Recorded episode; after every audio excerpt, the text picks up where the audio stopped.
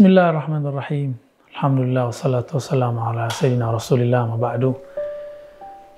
Suatu kali ada kisah menarik pada istri Rasulullah yaitu Sayyidatuna Safiyah. Sayyidatuna Safiyah adalah anak dari seorang Yahudi yaitu Huyai bin Akhtab yang dulu pernah bermimpi kejatuhan bulan purnama ke dalam kamarnya. Ayahnya seorang yang kasyaf tapi kemudian kasyafnya tidak berlanjut kepada iman, maka tidak semua orang yang disingkapkan mata batinnya di awal itu tetap dibukakan setelahnya.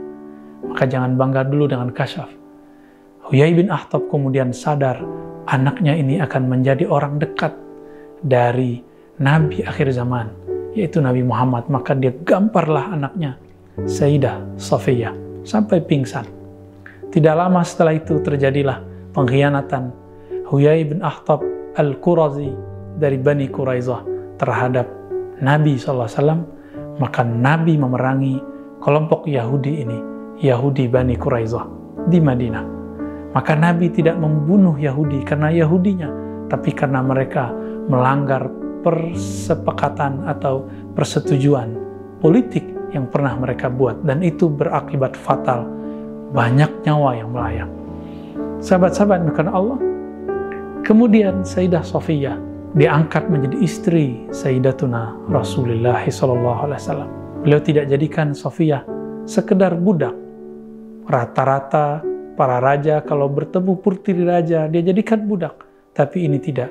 Nabi mengangkat derajatnya menjadi seorang istri. Suatu kali Sofiyah, Sayyidatuna Sofiyah radhiyallahu taala anha berzikir sebelum subuh dia mempunyai 4000 biji kerikil ataupun kurma yang dia jadikan sebagai alat zikir membaca subhanallah bihamdi subhanallahil azim.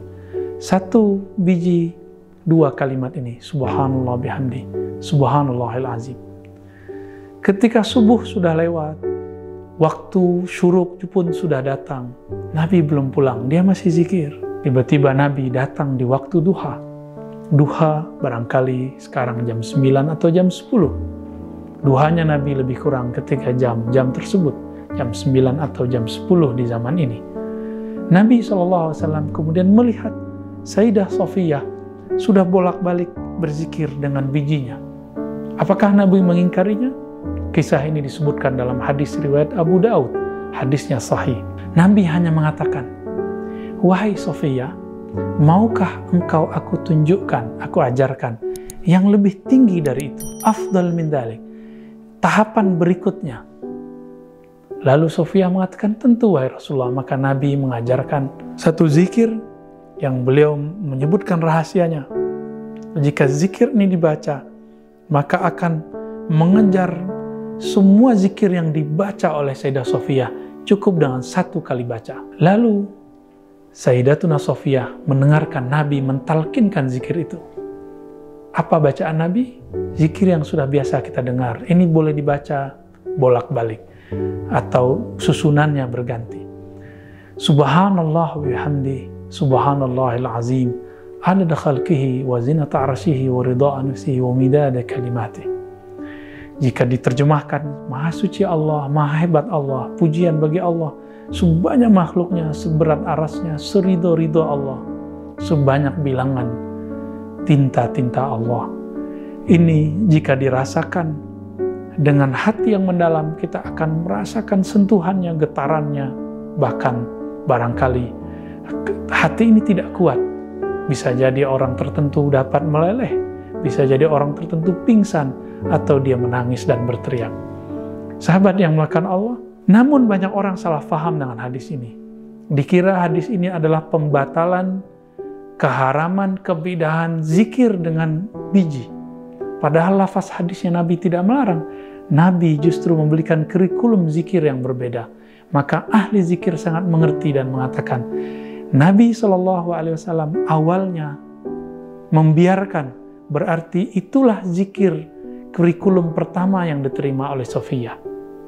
Lalu ketika Nabi pulang, Nabi melihat percepatan rohaninya, spiritualnya, maka dinaikkan ke level berikutnya zikir satu nafas, satu lafaz dapat mengejar semua lafaz yang ada, semua bilangan yang ada.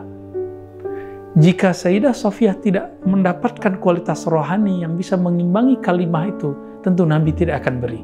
Ini yang jarang disampaikan. Teman-teman yang melakukan Allah, walaupun kita baca sekarang, Subhanallah bihamdi, Bismillahirrahmanirrahim, khalqi, zinata arsyihi, kalimati, itu hanya lisan kita yang membaca. Tapi ruhani kita belum bisa mengikuti frekuensi yang muncul dari lafaz tersebut. Nabi mempersiapkan Sayyidah Safiyah. Dibiarkan beliau membaca itu bolak-balik 4000, mungkin sudah tiga kali bolak-balik.